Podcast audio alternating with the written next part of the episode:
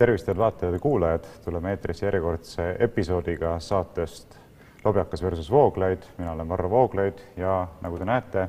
stuudios täna Ahto Lobjakat ei ole, mis õnneks küll ei tähenda seda, et ma peaksin siin monoloogi pidama, sellepärast et Ahto Lobjakas liitub erilisel ajal läbi eriliste meetmete oma kodustuudiost. tere, Ahto! tere! erilisel ajal läbi tavaliste meetmete, ma loodan paljudele inimestele Skype ja internet ja kõik muu selline. aga iseenesest on see olukord äh, praegu väga kõnekas, näidates, et äh, see eriolukord nõuab äh, pingutust selle nimel, et peab saama võtta kasutusele ka ütleme, konventsionaalsete saadete tegemiseks sellised vahendid, mida me tavapäraselt ei ole kasutanud. ilmselt tuleb mugavustsoonist välja tulla ja pingutada natukene, et leida need uued lahendused, mis võimaldavad samu asju edasi teha lihtsalt teiste meetoditega. see on lihtsalt üks näide sellest, kuidas ühiskonnas ilmselt seda tuleb teha päris laialdaselt kusjuures kõik kuus on ikkagi teatud mõttes unustatud või teadmata olev vana, mulle tuleb enda ajakirjanike perioodist meelde see eelmine kriis, kus paljud minu Ida-Euroopa kolleegid Brüsselis hakkasid, eriti teleuudiseid tegevad kolleegid hakkasid ise ilma operaatorita äh, tegema neid lindistusi, panid mingi mis iganes iPhone'i siis statiivi külge, läksid teisele poole, rääkisid ära, tulid uuesti tagasi ja kõik see on varem tehtud ka teatud mõttes. ja jah, ilmselt äh, seda me saame tulevikus näha rohkem ja rohkem nüüd äh, on meil huvitav olukord ka siin saates, sellepärast et me ei ole ju seda saadet ellu kutsunud, ütleme, koroonaviirusega seonduvate küsimuste kommenteerimiseks, vaid hoopis laiemate ühiskondlike küsimuste diapasooni arutamiseks. aga praegu on kujunenud selline olukord, kus peaaegu mitte ühtegi teist küsimust päeva korras ei ole. ainuke küsimus, mis aktualiseerub, ainuke küsimus, millest räägitakse, on siis just nimelt see kriis oma erinevates aspektides, mistõttu vähemalt seni oleme ka meie sunnitud äh, sellest olukorrast tõukuma oma aruteludes.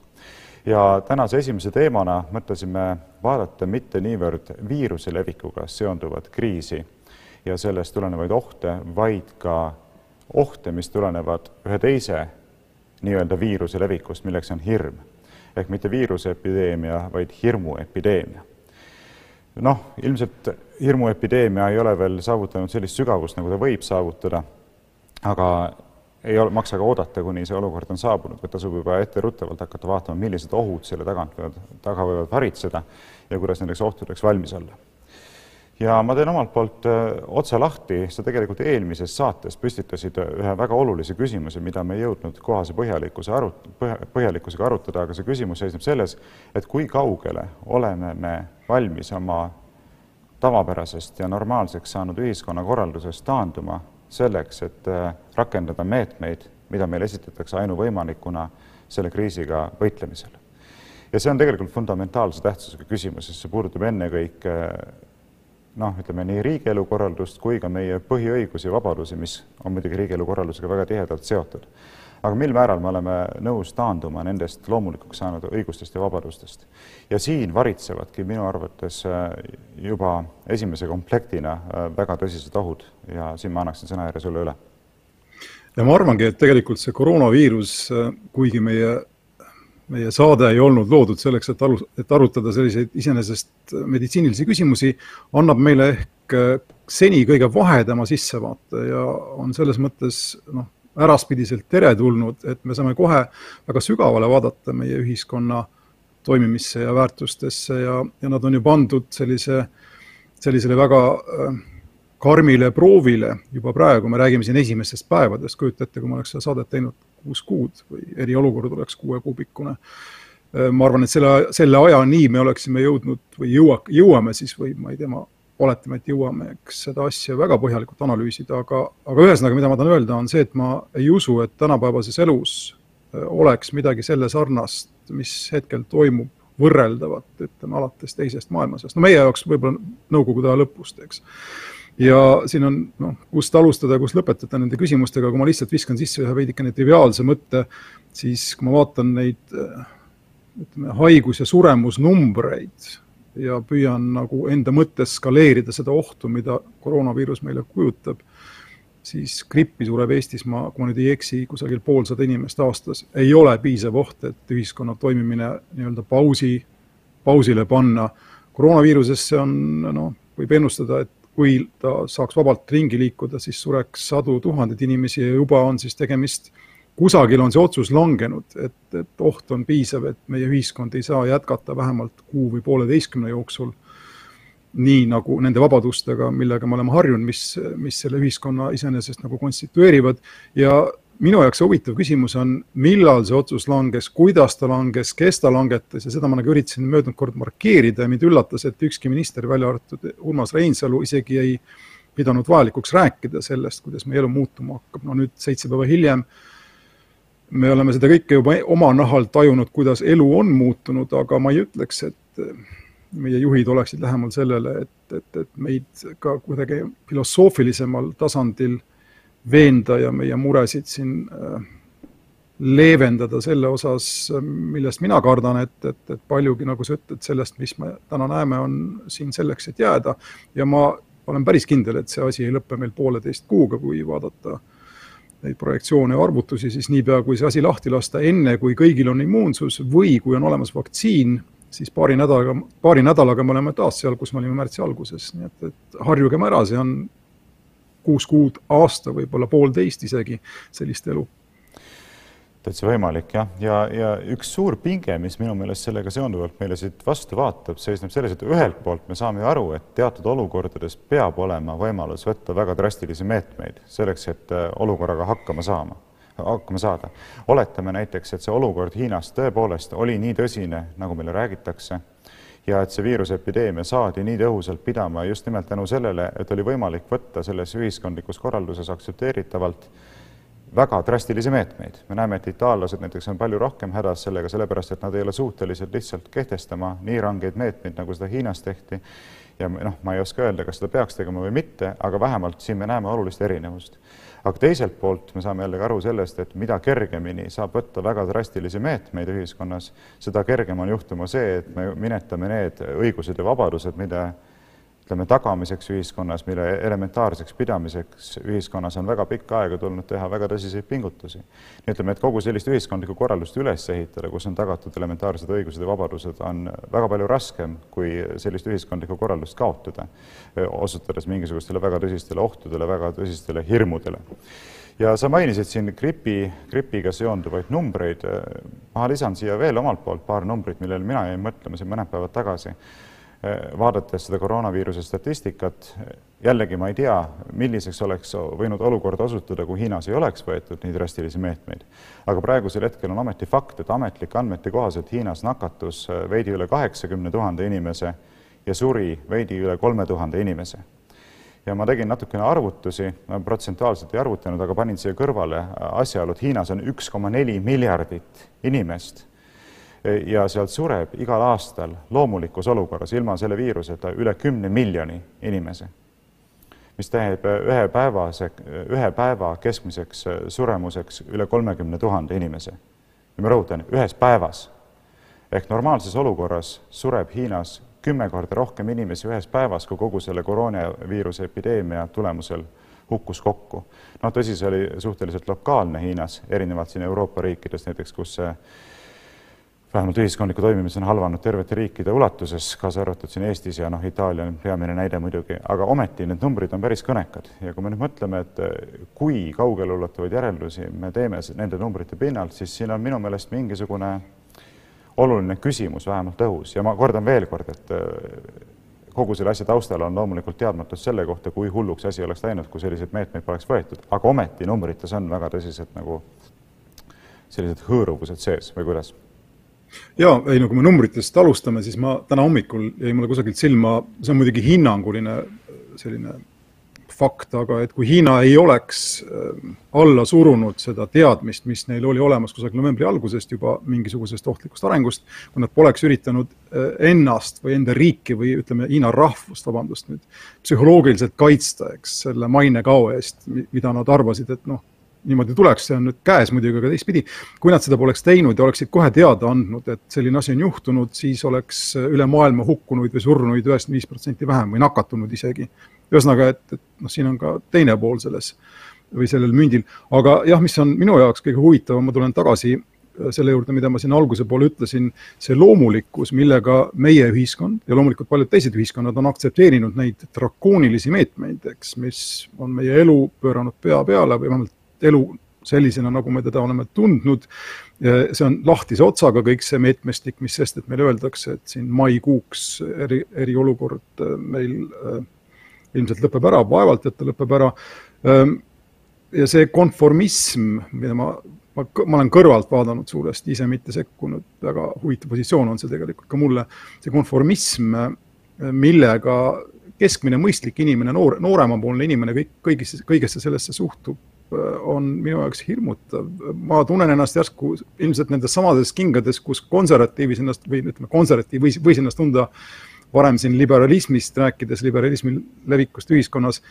ma näen asju nagu ma ütleksin uut tüüpi poliitkorrektsuseks, apellatsioonid mõistlikkusele, mis on määratletud mingisuguse keskmise inimese poolt, mitte juba, mitte igaühe nagu enda terve mõistuse poolt ja nii edasi. teatud piirides see on loomulikult äh, vältimatu, aga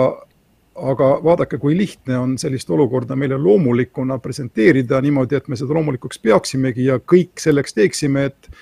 vabandust, et ma tsiteerin siin üht, ühte äärmuslikku väljaannet, täita eriolukorra juhtide käske mm. -hmm jah, selles on selline pinge sisse ehitatud, ma olen sinuga täiesti nõus ja, ja noh, väga raske on öelda, mis see õige lahendus siin on, aga ma arvan, et ma ei eksi, kui ma tõlgendan sinu poolt väljendatud sellist äh, ohutunnet seonduvalt konformismiga, mitte niivõrd üleskutsena mitte alluda kehtestatud korrale või mitte toimida teisiti, vaid mitte lõpetada küsimuste esitamist, eks. ja, mulle tundub endale see just eriti oluline, et me, meil ei ole vaja tembeldada näiteks vandenõuteooriat, eks seda, kui keegi esitab mingisuguseid küsimusi, et kas me ei peaks vaatama sügavamale selle asja nagu juurte, juurte, juurtest rääkides ja nii edasi vaid äh, tegelikult käsitleda seda normaalsena, et jah, meil on üks selline äh, asjade nägemise viis, millest me praegu juhindume, mis ei tähenda seda, et me pea, peaksime lõpetama ära erinevatest vaatepunktidest selle asja analüüsimise. ja, ja sellega seonduvalt mul näiteks on äh, mõnevõrra kahju, ma, ma jällegi kvalifitseerin seda veel, et siin peab sõnu hoolega valima,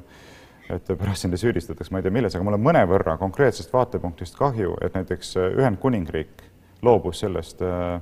karjaimmuunsuse tekitamise lähenemisest, sest siis oleks olnud väga huvitav jälgida aja möödudes, et millised äh, meetmed, milliseid tulemusi andsid. ja oleks olnud selline võrdluspunkt, et näete, et Saksamaal, Prantsusmaal, Itaalias valiti selline tee, aga Ühendkuningriigis valiti teistsugune tee ja, ja nüüd me näeme, et kelle tee andis äh, selli-, ühesuguseid tulemusi või kelle tee andis teistsuguseid tulemusi ja milline tee siis kokkuvõttes mõistlikum oli. praegu vist, kui ma ei eksi, siis enam-vähem kõik suuremad riigid on valinud enam-vähem ühe ja sama meetodi selle olukorraga toimetulemiseks, mistõttu hiljem tegelikult selline võrdluspunkt puudub. ei ole võimalik no, tege... no tegelikult siin on väike, ma olen sinuga täiesti nõus ja ma ise olen mõelnud sellele samale äh, asjale tegelikult ja, ja siin, siin on juures veel üks riik, Holland äh, iseenesest siin on nagu kaks külge siin asjal, kõik riigid, täna hommikul ma lugesin, California on viimane osariik USA-s, mis on aktsepteerinud seda fakti. fakti on aktsepteeritud, et sotsiaalne suhtlus tuleb viia miinimumini. ma ei tea, seitsekümmend viis protsenti vähemalt maha võtta tänasest või sellest, mis ta oli nädal aega tagasi. ja see on puhtalt tehtud selleks või vajalik või vältimatu selleks, et tervishoiusüsteemid saaksid tulla toime selle viiruse kasvuga, kasvab ta või levib ta nagunii, aga kui ta lasta nii-öelda noh, lihtsalt amokki jooksma, siis kukuksid need asjad kokku ja, ja see humanism on mõistetav ja minu arvates ka vältimatu. teine pool puudutab nüüd seda, ja see, see on see konformismi aspekt minu jaoks nagu olulisem, konformismi aspekt, mida inimesed ise endale noh, räägivad ja mida nad mõtlevad ja kuidas nad käituvad, kui nad te-, langetavad otsuseid teadmatuses selle osas, mida teha või mida mitte teha, kui näiteks noh, kellelgi on väike palavik või keegi hakkab köhima või mina olen kodus sellepärast, et minu elukaaslane äh, sai väikese palaviku, eks, äh, arvas, et mõistlik on, vastutustundlik on mitte minna välja neliteist päeva, noh, siin ka olen ka mina, päriselt ma väljaminekust hoiduda ei suuda, aga haige ma ei ole, samas ma nagu noh, see on, see on see olukord, kus ma ütleksin, et isiklikud otsused muutuvad väga oluliseks ja kus konformism on minu jaoks märgatav, aga tulles tagasi nüüd selle Suurbritannia ja Hollandi näite juurde, siis lugedes seda taustamaterjali, ma lugesin sealt kohe välja, et äh, kui sul on haigusnähud ja sa nii-öelda ise kar-, karantiini paned ennast, siis Suurbritannias on öeldud, vähemalt möödunud nädala alguse poole ma lugesin, on, on ametlik nõu, nõuanne, et kui, et tööle või kooli või kuhu iganes võib tagasi minna üks päev pärast haigusnähtude kadu, kadumist mis on tegelikult noh, võrreldes meiega minimaalne drako-, drakoonilisus, isegi puudub drakoonilisus. Hollandis on see enesekarantiini pikkus seitse päeva näiteks. ühesõnaga, et kas see number neliteist, mis tundub nii mõistliku ja kohustavana, on tegelikult laest võetud ju mm. -hmm. ja noh, sellest me nagu, selle me kipume unustama väga kiiresti jah, olen, olen nõus, et siin oleks tegelikult ruumi iga mõtlemiseks, arutamiseks, aga no väga raske ongi praegu midagi teistmoodi ütelda, ma arvan, et väga paljud tunnevad seda ka need, kes on otsuste juures, et äh, kui sa ei tee täpselt nii, nagu äh, konformistlik muster ette näeb, siis sa asetad ennast positsiooni, kus sa pärast võid olla nagu erakordselt terava kriitika või lausa süüdistuste objektiks, eks, ja, ja see tegelikult tekitab sellise olukorra, kus ongi äärmiselt tugev surve minna kaasa täpselt nende samade meetmetega, mida kõik ümberringi ütlevad, et tuleb rakendada, mida teised juba rakendavad. noh, ma ütlen, meil on siin tegelikult võrdlemisi lihtne veel nendest asjadest rääkida, sest me ei vastuta sisuliselt mitte millegi eest peale omaenda käitumise. aga kui sa kujutad ette praegu valitsuse liikmete olukorda, siis see väga kadestusväärne selles mõttes ei ole, et et äh, proovi sa langetada mingisuguseid otsuseid, ei, need meetmed, mida teised rakendavad, ei, ei ole mõistlikud, need ei ole asjakohased, sellega me tekitame liiga suurt majanduslikku ja ühiskondlikku kahju muus mõttes ja me läheme teist teed, eks. noh, nii, ja kui nüüd tulevad äh, äraspidised tulemused loodetule, loodetuga võrreldes, no siis, äh, siis sinu poliitikukarjäär on kindlasti läbi, aga sellega ei pruugi veel asjad piirduda aga ma hüppaksin korra konkreetsemalt nende ohtude juurde, et me oleme rääkinud siin nagu üldiselt, aga aga kui vaadata nüüd ka konkreetsemalt, siis äh, eriolukorra väljakuulutamine kui selline on tegelikult midagi sellist, millesse ei tasuks suhtuda kergekäeliselt. jah, ütleme, rasked olukorrad nõuavad tõsiseid meetmeid, aga siin võib-olla õiguskantsler Ülle Madise oli ka üks nendest, kes äh, püüdis sellele tähelepanu juhtida, et võib-olla on võimalik kõiki neid asju, mida me praegu teha, teeme, äh, saavutada ka ilma eriolukorda välja kuulutama, sest eriolukord tõesti võiks olla käsitletud millegi sellisena, mis on äärmiselt erakordseteks juhtumiteks mõeldud. Ja ma ei taha öelda, et praegune, praegune seda ei ole, aga noh, ütleme sõda meil vähemalt praegu käimas ei ole, eks me elame ikkagi tsiviliseeritud ühiskonnas ja siin on võimalik tsiviliseeritult saavutada tsiviliseeritud lahendusi ka inimeste vabatahtlikkusele apelleerides, olgugi et seda saab ka jõustada tunduvalt jõulisemalt, kui seda mõnel pool mujal on tehtud. aga mulle meeldis üks tsitaat, mida ma kunagi lugesin, ei mäleta, kes see, on tegelikult see üles ka kirjutatud siia, see oli Gideon Tuckerilt, ühelt USA advokaadilt, ajalehetoimetajalt ja poliitikult, kes ütles, et mitte ühegi inimese elu, vabadus ja eraomand ei ole turvatud, kui parlament on alustanud oma sessiooni või, või parlament on alustanud oma istungeid, eks. noh, see, kui me nüüd seda ütleme, laiendame eriolukorrale, siis see on veel kümnekordselt tõsi sest eriolukorras, nagu me teame, on võimalik kehtestada väga kiiresti väga väikese inimeste ringi poolt väga drastilisi meetmeid millel võivad olla väga kaugeleulatuvad tagajärjed ja, ja tegelikult me seda juba näeme ju, kui me räägime siin ettevõtjatega, siis nad ütlevad, et ega tegelikult väga pikka pidu ei ole, et on kuu, võib-olla kaks-kolm ja siis on meil pankrot käes ka. ja me räägime inimestest, kes võib-olla on ehitanud oma ettevõtet üles äh, aastaid, võib-olla kümneid aastaid, eks saavutades olukorda, aga näiteks tootmis, tootmisettevõtetes, kui inimesed ei saa tööle tulla, kui näiteks kehtestatakse selline olukord nagu Itaalias, et ei saa, ei saagi tööle minna lihtsalt siis, äh, siis see kukub kiiresti kokku ja kõik on läbi, kõik on, äh, kõik, kogu see elutöö on ühe hetkega hävinenud. ja noh, samamoodi ma ütlen pikemas perspektiivis, mina näiteks ei imestaks, kui me viie aasta pärast oleme olukorras, kus meil on sundvaktsineerimine. et sa oled kohustatud laskma ennast ja oma lapsi vaktsineerida, vastasel juhul sa näiteks no ütleme, parem variant on veel see, et sa ei ole seda kohustatud tegema, kui sa oled nõus loobuma mitmesugustest ühiskondlikest hüvedest nagu reisimine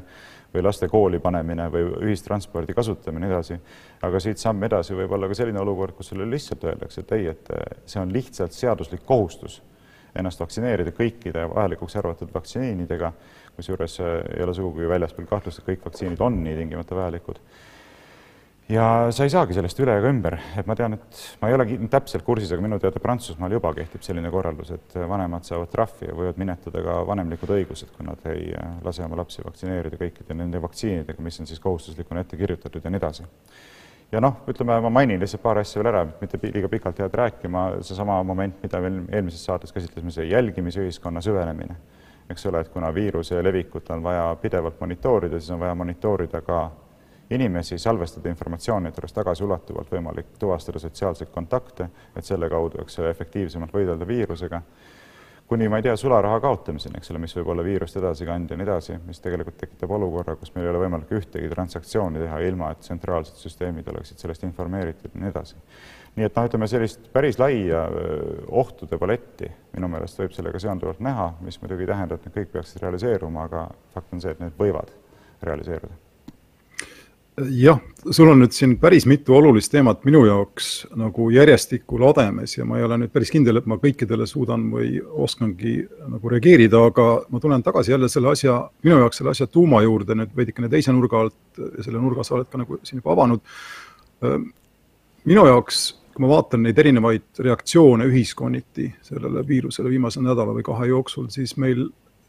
taas nagu tuleb ette selline põhimõtteline jaotus võimuühiskondade ja mittevõimuühiskondade vahel või ütleme siis indiviidi võimu ja võimukesksete ja indiviidikesksete ühiskondade vahel. Ja ma kardan, et see, mis ma nüüd ütlen, ei meeldi ei sulle ega paljudele meie parempoolsetele kuulajatele, aga Eesti kuulub ikkagi kindlalt hetkel sinna võimuühiskondade, võimukesksete ühiskondade keskele, see äh, oli ilmselge valitsuse reaktsioonist ja ka inimeste või avalikkuse reaktsioonist valitsuse reaktsioonile, ehk siis ma arvan, et Martin Helme ei eksinud teatud mõttes, ta eksis põhimõtteliselt, aga ta ei eksinud Eesti oludes, ma, kui ta möödunud nädalal, ma viitasin juba sellele möödunud saates, ütles, et äh, valitsus peab paistma välja nii, et ta midagi ette võtab, siis rahvas usub, et midagi võetakse ette, eks ja nagu ma ütlesin, äh, seda öeldakse tavaliselt õigluse kohta äh, ja lääneriikides see sellega piirdub, aga meil on olukord selline, mitte ainult meil muidugi, vaid laiemalt Ida-Euroopas ja ka mujal, et kui valitsus midagi ette ei võta, siis automaatselt suurem osa avalikkusest ja ma saan ka aru, miks, eeldab, et midagi ei tehtagi see eneseusaldus või enesele nagu enesest sõltumine ei ole meil saanud harjumuseks. ja sinna ei ole midagi parata, see võtab aega, aga noh, nendes oludes on selge, et äh, on riike, kus äh, saab toimuda selline sündsusetu äh, lehmakauplemine või võidujooks selle üle, kellest saab eriolukorra juht, nagu ma loen, toimus meie valitsuses, eks, kas see on Tanel Kiik või on see Mart Helme või on see siis kõigile nagu ma ei tea, kompromissiks ikkagi meie peaminister Jüri Ratas. Ja on riike, kus niisugune asi ei ole lihtsalt mõeldav, näiteks Suurbritannia ja Prantsusmaa ja Saksamaa ja nii edasi, sest et seal on selge, et eriolukord, noh, seal ei ole eriolukord, eriolukorda kui sellist, aga meil ta millegipärast on vajalik ja jällegi see konformism, mis meil on juurdunud sügavalt sisse, peab teda vajalikuks. Ja noh, tulles siin tagasi sinu, sinu selle nagu te, teise otsa juurde, millest sa räägid, siis kõik need probleemid, mis puudutavad privaatsust näiteks või minu pärast ka demokraatia tulevikku meil üldse on ennustatavalt teistsugused. Meil, kui nad oleksid näiteks Suurbritannias, oletame, et see, kui see asi on kestnud siin kuus kuud või aasta aega, iga väike samm, mis me täna teeme ja iga suhteliselt ütleme, segane ja võib-olla ka selline noh, instinktiivne samm, mille, mille need, mida need eriolukorra juhid meil ette võtavad, tõlgendub siin kuue kuu või aasta pärast väga suureks noh, nagu liplika tiiva tiiva, mis ta on siis, raputus kusagil, eks kuue kuu pärast on saanud sellest mingi orkaan või torm. tähendab, igal sellisel sammul on väga suur mõju sellele, kuidas me siit välja tuleme ja kas me tuleme välja. ja Suurbritannia, ma ütleksin, et tuleb välja, äh, vaatame näiteks kas või teist maailmasõda, äh, demokraatia püsis, eks noh, meil siin ma kardan, et pool aastat või aasta aega eriolukorda asetab meid juba sellisesse olukorda, kus me ei tule välja samasuguse demokraatliku riigina, kui me vaatame ühte asja siin, mis on väga reljeefselt esile tõusnud viimaste päevade jooksul, see on see piiride sulgemine. ja no minge Google'isse ja otsige, küsi, küsi, ühesõnaga otsige probleeme näiteks piiril Saksamaa ja Prantsusmaa vahel, ei ole. otsige probleeme, kus nad on, on nad Austria ja Ungari vahel, on nad Poola ja Saksamaa vahel, on nad Eesti ja teiste riikide vahel, ühesõnaga need riigid, mis on võimuusku, on ühtlasi ka seda piiriusku ja sulgumise usku ja ja sealt välja tulla, kui see asi lasta nüüd pikaks venida ja piire pikalt kinni hoida, on meie sarnastel ühiskondadel väga raske ja suuresti ka sellepärast ja vabandust, kui ma nüüd sind solvan või rahvuslasi, aga suuresti ka sellepärast, et see rahvusluse idee saab siin väga vääras pinnases väga kiirelt ja väga hästi juuri ajada no ja nüüd on siin jälle omakorda palju, millest äh, võiks rääkida. noh, suletuse usku oled sa ise ka omamoodi, sellepärast et äh, see on põhjus, miks sa praegu viibid kodus, mitte siin stuudios nii et ilmselt mingitel, mingites olukordades tuleb seda usku meil kõigil vähemal või rohkemal määral praktiseerida. oluline on mitte sul elu lõpuni sinna koju jääda eh, hirmust kantuna, et äkki ma ikkagi jään haigeks, eks, ja ilmselt on riikidega samamoodi, et tähtis on pöörduda normaalse olukorra juurde niipea, kui see hädaoht äh, on seljatatud või möödunud. noh, muidugi on see võimalus, eks ole, et hakataksegi looma ettekujutust, et hädaoht ei ole möödunud ja ei möödugi ja, ja nüüd tulebki uue olukorraga hakata harjuma, et mitte selliseid kahjusid lubada korduda ja nii edasi, need ja need on kõik need ohud, millest me siin täna räägime. aga samal ajal ma ei näe nii suurt erinevust praegu erinevate riikide käitumises, millele sa justkui nagu osutad ja vabandust, kui ma väärtõlgendan sinu sinu poolt räägitut, aga ma näen, et Soome rakendab täpselt samu meetode, meetmeid, mis Eesti sisuliselt. Suurbritannia asub rakendama täpselt samu meetmeid, mis Eesti. samal ajal ma jällegi kahtleksin ka sinu väites selle kohta, et Eestil on suurem tõenäosus mitte üldse normaalse olukorra juurde naasta kui näiteks Suurbritannial, sellepärast et me oleme ju lähiajaloost näinud, et Suurbritannia on valmis astuma palju drastilisemaid samme, ütleme sellisest üldisest Euroopa võimukorraldusest kõrvalastumiseks, kui seda on teinud Eesti või mõni teine nii-öelda sinu poolt tõlgendatud võimukeskne riik. et Suurbritannia, mida sina tood sellise eeskujuna, demokraatliku eeskujuna, põhivabaduste ja õiguste tagamise eeskujuna, on ainuke, kes on siiamaani ütelnud Euroopale, Euroopa Liidule, et me keerame teile selja ja läheme oma teed, et me ei ole huvitatud selles võimustruktuuris jätkamisest. nii et kui me nüüd seda nagu silmas peame, siis mulle tundub, et nende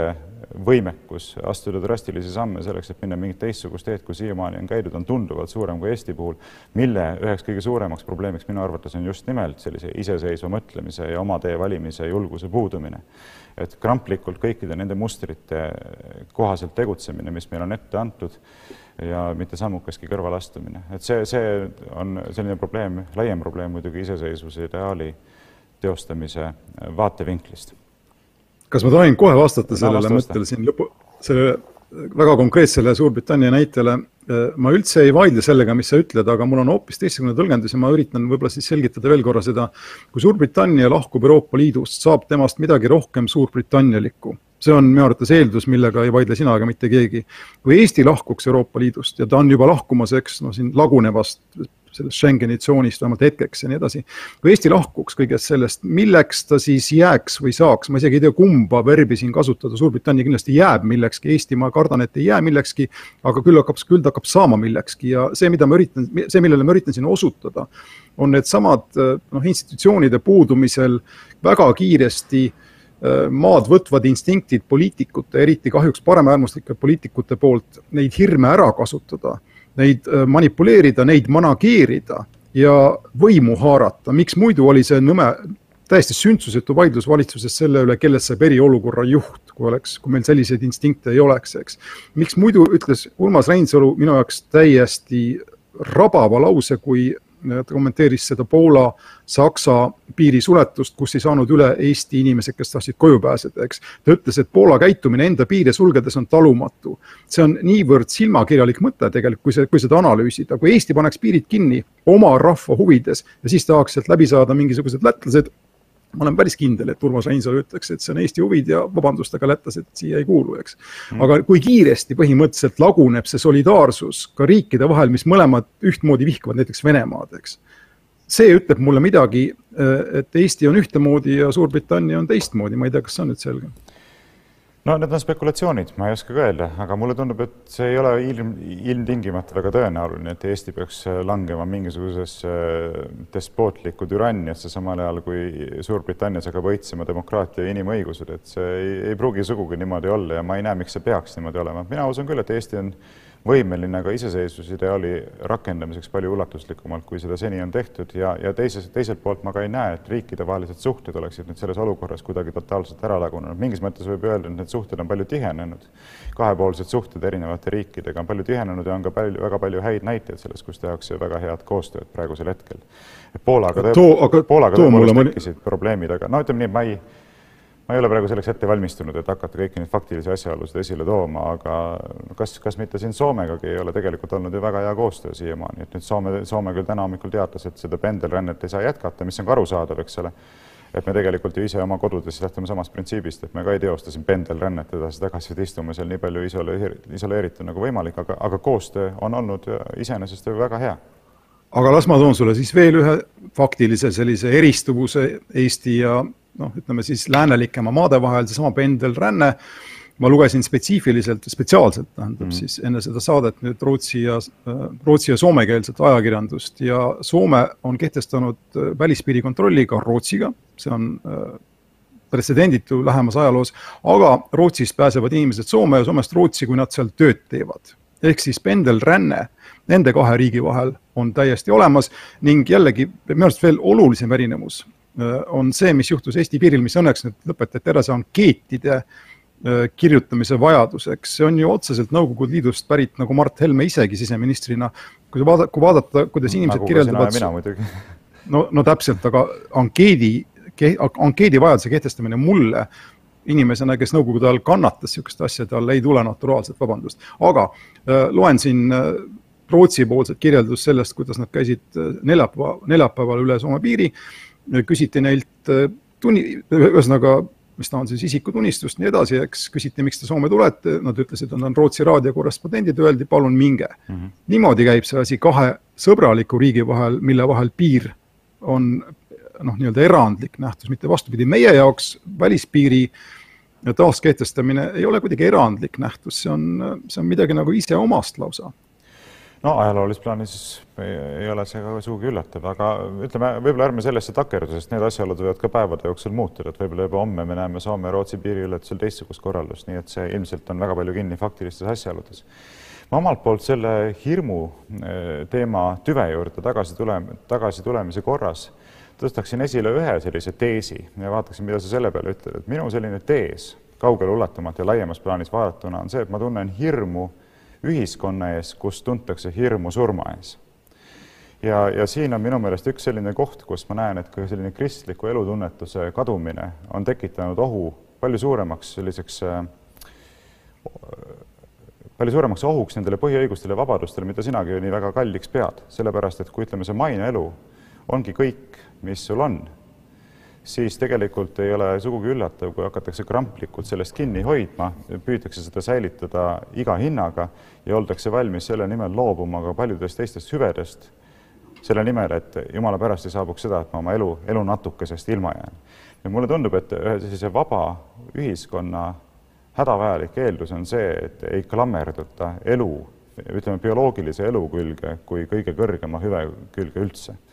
ehk teisisõnu, elu on oluline, elu tuleb hoida, elu tuleb kaitsta, aga samal ajal on olulisemaid ideaale, sealhulgas au, väärikus, vabadus äh, ja nii edasi, äh, mille, mida me ei anna ära lihtsalt. Äh, ja kui on tarvis, siis me võitleme, kui on tarvis, siis me sureme, aga nendest me ei loobu. et noh, seda minu, minu jaoks aktualiseerib see ka selle Eesti hääletu alistumise teises maailmasõjas, eks, Nõukogude Liidule et eh, jah, et säilitada oma bioloogilist eksistentsi, selle nimel me lihtsalt ei hakka võitlema, vaid laseme endast üle sõita, ennast noh, piltlikult öeldes ära vägistada, eks. Eh, soomlaste tee oli väga teistsugune ja olid väga suured inimkaotused, aga ometi äh, ei taandatud nendest ideaalidest, mille hulka siis kesksel kohal kuulus antud olukorras siis iseseisvus. aga nüüd, kui me tuleme konkreetse kriisi juurde, siis samamoodi jälgimisühiskonna kehtestamine, kõikide inimeste pidev positsioneerimine näiteks sundvaktsineerimine need on sellised asjad, mis võivad tulla ka enamuse otsustuse tulemusel lihtsalt kantuna hirmust selle ees, et muidu me võime oma elu natukese kaotada. ja see arutlus võib kõlada sellise kaugena ja otsituna, aga minu jaoks on see igal juhul väga, väga oluline ja lähedane. oi, see ei ole sul kaugelt, see pole sul üldse otsitud ega, ega kauge, selles mõttes ma olen tegelikult ise mõelnud selleks saateks valmistudes ühest väga sarnasest näitest ja jällegi see on ilmselt minust tulenevalt Suurbritannia igal juhul Eesti kohta selles tänases kriisis, kus oleme ausad, meie suur osa meie põhivabadustest ja ilmselt ka osa meie demokraatlikest vabadustest, kuna ma usun näiteks, et valimisi hetkel korraldada ei saaks ja nii edasi, on pandud pausile ja me oleme sinna jõudnud ilma ühegi inimohvrita. tähendab, nende vabaduste eest ka ütleme, pikemalt edasi vaadates me ei ole nõus ohverdama ühtegi inimest. loomulikult ma ei taha öelda, et need inimesed noh, peaksid ohverdatud olema, ma ei saa kunagi öelda, et minu vanad vanemad näiteks võiksid ära suure selleks, et me siin vabaks jääksime. aga see küsimus pole ka kerkinud, samas kui Suurbritannia läks sõtta aastal kolmkümmend üheksa, teades, et sellel asjal on kaks võimalikku tulemust, üks on surm, teine on vabadus. Ja ohverdati elusid. Ja see, selles mõttes ma olen sinuga sada protsenti nõus, et see see loomulikkus, millega me järsku ei ole nõus ohverdama elusid nende asjade eest, mis meile on väärtused, on ehmatav ja sellega ma ei taha öelda, et me peaksime inimesi minema siin noh, sisuliselt hukkama või laskma neil ilma respiraatoriteta ja muu sarnaseta, eks hirmsat surma surra. aga fakt on see, et inimesed, kes meid valitsevad, on sellele, on nendele positsioonidele valitud just selliste otsuste tegemiseks. oli kunagi brittidel Churchill, noh, meil selliseid inimesi ei ole, aga see on nende ülesanne, see joon kusagile tõmmata. ja hetkel mulle tundub, et nad isegi ei saa sellest aru,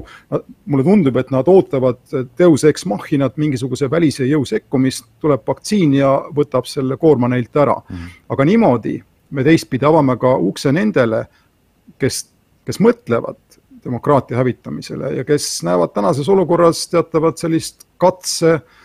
situatsiooni, proovivad, mida saab teha, mida ei saa teha, õpivad äh, tänastest kogemustest, eks, ja kõik see on meil palju ohtlikum kui Suurbritannias. aga äh, nüüd, kui ma tulen tagasi tänase olukorra juurde, siis äh, siis ma, üks teema, mis on meil nagu hetkel välja jäänud, aga mis siia konteksti minu arvates oluliselt tuleks lisada, on see testimise küsimus ta ühtepidi haakub nagu inimese vastutusega, kui meil oleks testimised võimalikud, nagu kõik tahavad, siis mina võiksin minna ennast lasta testida ja siis vastavalt otsustada juba teadlikult, kas ma jään koju või ma ei jää koju, sama, sama minu girlfriend. Äh, ja ma teaksin, kas ma julgen enda vanematele külla minna, näiteks ma ei julge enda vanematel praegu tuppa külla minna ja millal ma võin ja nii edasi. see aitaks, aitaks mul autonoomsem olla ja testimine aitaks ka meie enda juhtidel siis palju paremini valmistuda või noh, tegeleda selle kogu selle kriisiga. Äh, ja see on midagi mis minu arvates oleks üks mõistlik samm astuda ja teiseks, teine kontekst, kuhu ta kuulub te,, te, selle teine osa on piirid. Need on kaks asja, millest ma aru ei saa. Eesti, kui ta võtab laenu, võtku siis niimoodi, et teste saab teha kõigile ja kiiresti, sest et seni, kuni piirid kinni on, noh, mis meil muud ikka teha on, kui, kui, kui, kui testida, eks. ja kui oleme testitud, teeme piirid lahti, ma ei tea, paneme siis skännerid piiridele, aga põhimõtteliselt taastame liikluse, sest et seni, kuni neid kahte asja ei tehta, ma üldse ei näe, mida meie valitsus või mis me siin täna teeme, peale selle, et me ootame Godot, eks. jah, natuke sedamoodi paistab küll, sest ega keegi ju täpselt ei tea, mis meid ees ootab. ma ei taha eraldi teemat avada, aga muuseas ma lihtsalt viskan õhku ühe punkti, mille üle võiks võib-olla mingil hetkel arutada, on see, et eh, saab olema huvitav näha ka, kuidas see kriis praegu mängib ümber meie arusaamist sellest, mis on need tegelikud ohud, mille vastu me peame ennast kindlustama. näiteks ma mõtlen Eesti kaitse-eelarvele et see kuulus kaks protsenti SKP-st, eks, et kui me nüüd kujutame ette, et me oleksime näiteks kümnendiku sellest või rääkimata sellest, kui kolmandiku või poole suunanud meditsiinisüsteemi äh, arengusse, oleks tekitanud suuremat valmidust selleks, et saada hakkama viirusepuhangutega ja meil oleks neid äh, kopsuventilaatoreid. ma ei saa siiamaani aru, kui palju meil neid siis Eestis kokkuvõttes on või ei ole, ma olen kuulnud numbrit kuuskümmend. Noh, oletame, et on natuke rohkem, oletame, et on sada, aga kui meil oleks neid näiteks tuhat